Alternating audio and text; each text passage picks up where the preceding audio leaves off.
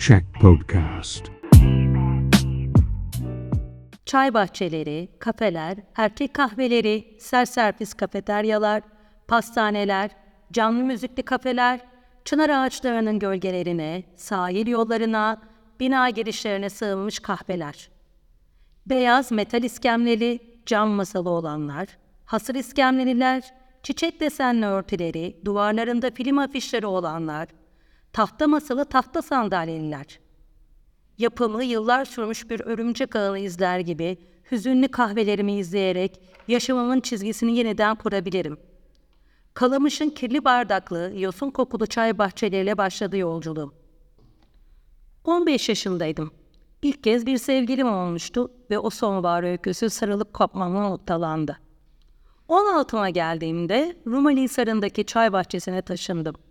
Akasya ağaçları altında hayatımın ilk biralarını içiyordum. Çantamdaki Dostoyevski ciltleri ve Samsung paketleriyle Ortaköy kahveleri belirdi sonra. Taze simit, poğaça ve ada çayını keşfettim. Polisin her cuma gecesi bastığı, Taksim'in ölümlerle dolu bir yokuşuna gizlenmiş, esrar satıcılarının, hırsızların, travestilerin kahvesi.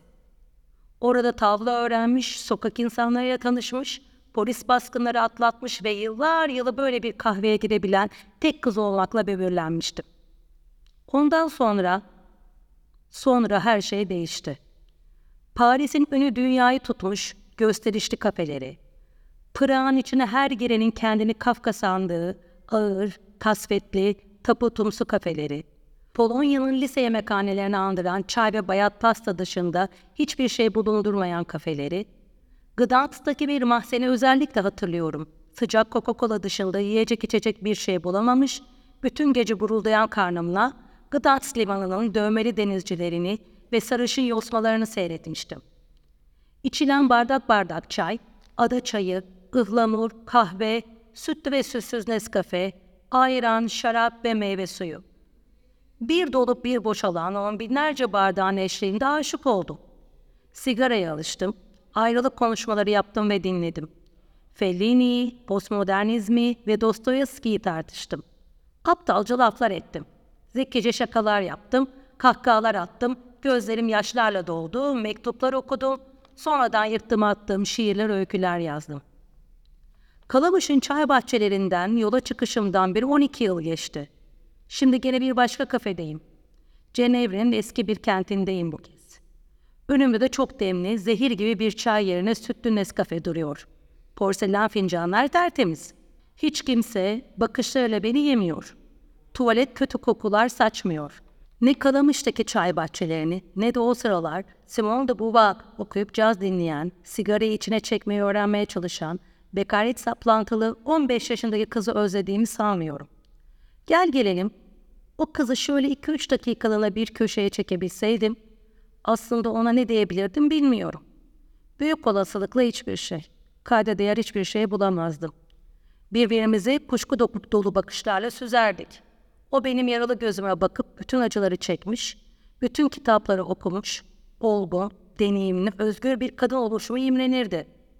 Ben de onun saflığına, iyimserliğine, umuduna iç çekerek bakardım. Ama onu tek bir şey kesinlikle söyleyemezdim.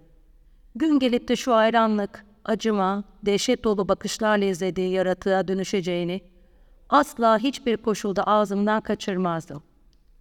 Tek gözlü bir kadın, hayaletten bile daha korkutucu. İnsanların yüzümü görünce kapıldıkları dehşetten, ansızın iri iri açılan gözlerden, kaçırılan bakışlardan, korku ve tiksintiyle çarpılan ağızlardan bıktığım için gündüzleri olabildiğince az dışarı çıkıyorum. Zaten güneş, özellikle de yaz aylarının keskin, acımasız güneşi hasta gözümü çok fazla ağrıtıyor. Sağlam gözüm bile üzerine binen aşırı yükten yoruluyor, kısılıyor, sulanıyor. Kısacası gün ışığının çiğliğine, gerçeği öyle dobra dobra pat diye söyleyişine, yüzüme bir tokat gibi çarpışına dayanamıyorum.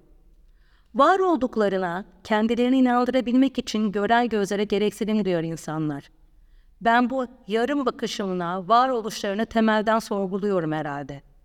Tek bir göz, onları ölümden de korkunç bir şeyi, ikiye bölünmüşlüğü, uyumsuzluğu, tamamlanmamışlığı, evrensel simetrinin yok oluşunu çağrıştırıyor. Yitik gözümü yitirdikleri ya da yitirecekleri her şeyin yerine koyuyorlar. Bir uçuruma çekimine kapılıp da içine yuvarlanacakları kendi uçurumlarına dönüştürüyorlar. Bütün evreni yutan bir çukur, ışığı bile geri yollayamayan bir kara delik veriyor. Ya var ya yok yerine hem var hem yok diyerek yok oluşum canlı tanıklığını, korkunç haberciliğini üstleniyorum. Bakışın karanlığı, varlığın yokluğu içerdiğini sessiz çığlıklarla haykırıyor, haykırıyor gözüm. Şimdiye dek gençlerin kanlı doktorun dışında gözümden korkmayan sadece iki kişiye rastladım. İlki Kelvin Parkı'nda bir pazar gecesi, saat dört sularında yanıma yaklaşan bir Arap'tı. Kelvin Parkı'na Sergio ile çok sık gelirdik. Bir keresinde banklardan birine oturmuş, öpüşürken karnımı korkunç ağrılar saplanmıştı. Sergio beni bir anda kucağına almış, arabaya dek taşımaya kalkmıştı.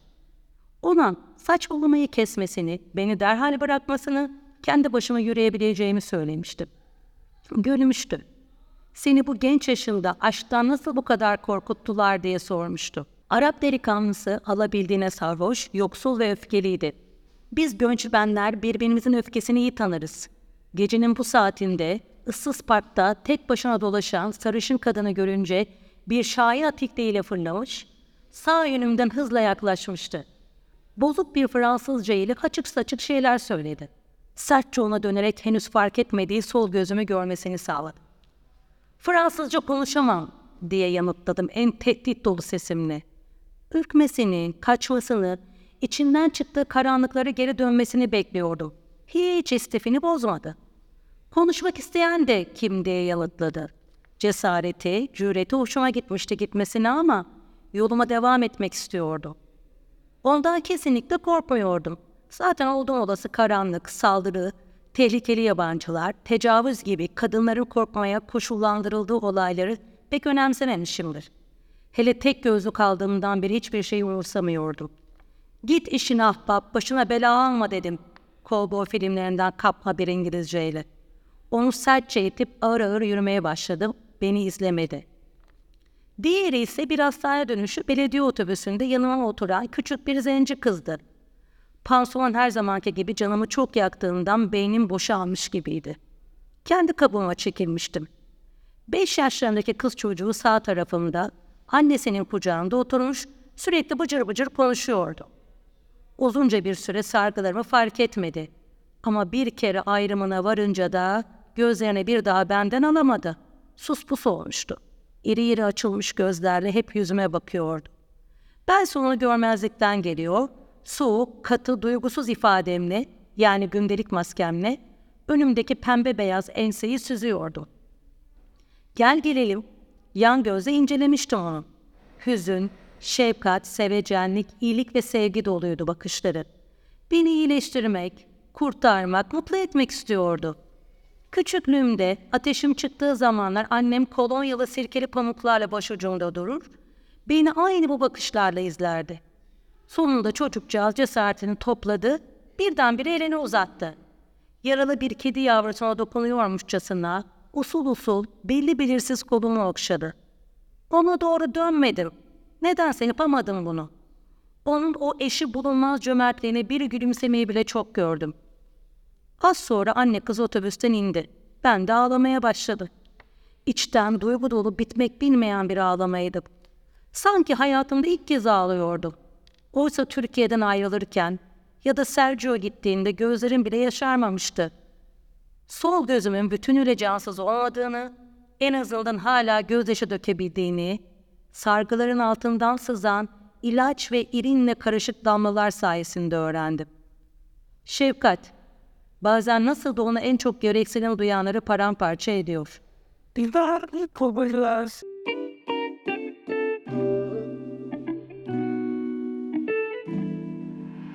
Check Podcast.